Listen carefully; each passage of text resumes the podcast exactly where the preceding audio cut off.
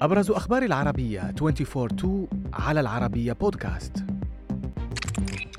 ضجة كبيرة أحدثها اختفاء عشرات الأطفال من طالبي اللجوء في بريطانيا بظروف غامضة وسط أنباء عن اختطافهم من قبل عصابات إجرامية.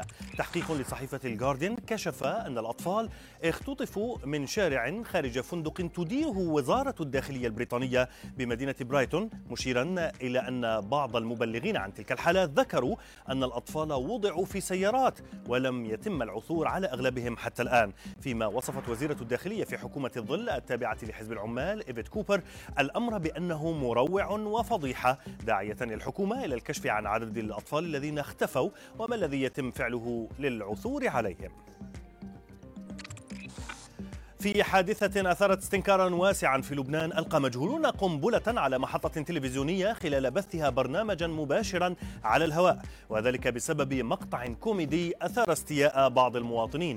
وسائل إعلام أفادت بأن القنبلة استهدفت مبنى قناة ال بي سي وأدى انفجارها إلى في موقف السيارات أدى إلى إحداث أضرار مادية في المكان وفي السيارات المتواجدة هناك. مشيرة إلى أن الحادث أتى بعد بث مقطع سكتش في برنامج فكاهي على القناة أثار العديد من الانتقادات إذ اعتبر أنه يسخر من لهجة اللبنانيين الشيعة فيما أطلقت تهديدات ضد البرنامج والقائمين عليه بالإيذاء والقتل بحقهم. إلى مصر هذه المرة حيث ضجت مواقع التواصل خلال الساعات الماضية بصورة لرسالة قاسية على قبر متوفى تشير إلى أنه لم يقض دينه وأن مقرضه لن يسامحه أبدا. صاحب الدين كتب على الورقة الموضوعة على قبر الشخص المتوفى لي عندك وفي ذمتك 6000 دولار. الله يجعلها حديد ونار على جسدك. مرفقا بالورقة صورة إقرار موقع يثبت أخذ المتوفى هذا المبلغ بتاريخ العشرين من أغسطس عام 94 فيما أثارت صورة الرسالة حالة من الجدل على ال social media إذ تباينت الآراء بين مدافع عن حق المقرض وبين من يحثه على المسامحة. أقدم طباخ سوري الأصل وصديقه الذي يحمل الجنسية الرومانية على قتل مليونيرة بريطانية تبلغ من العمر 71 عاما داخل منزلها الواقع في شمال لندن.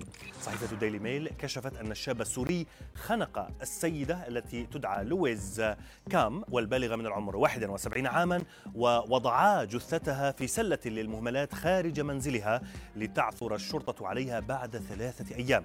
وأشارت الصحيفة إلى أن الجاني حاول خداع الضحية بتعبيره عن حبه لها على أمل أن توقع له على توكيل ليدير ممتلكاتها العقارية. لكنها رفضت فيما يواجه المتهمان الآن أحكاما بالسجن مدى الحياة.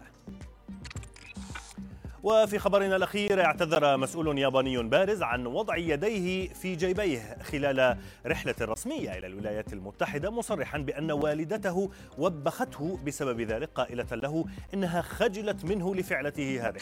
صحيفة الجارديان أوضحت أن سيجي كيهارا الذي يشغل منصب نائب رئيس مجلس الوزراء ذكر في مقطع فيديو على يوتيوب أن والدته قرأت تعليقات تنتقص من والديه وسوء تربيتهما له بعد أن التقطته الكاميرات وهو واضع يديه في جيبي بنطلونه أثناء حديث رئيس الوزراء بمؤتمر صحفي في واشنطن.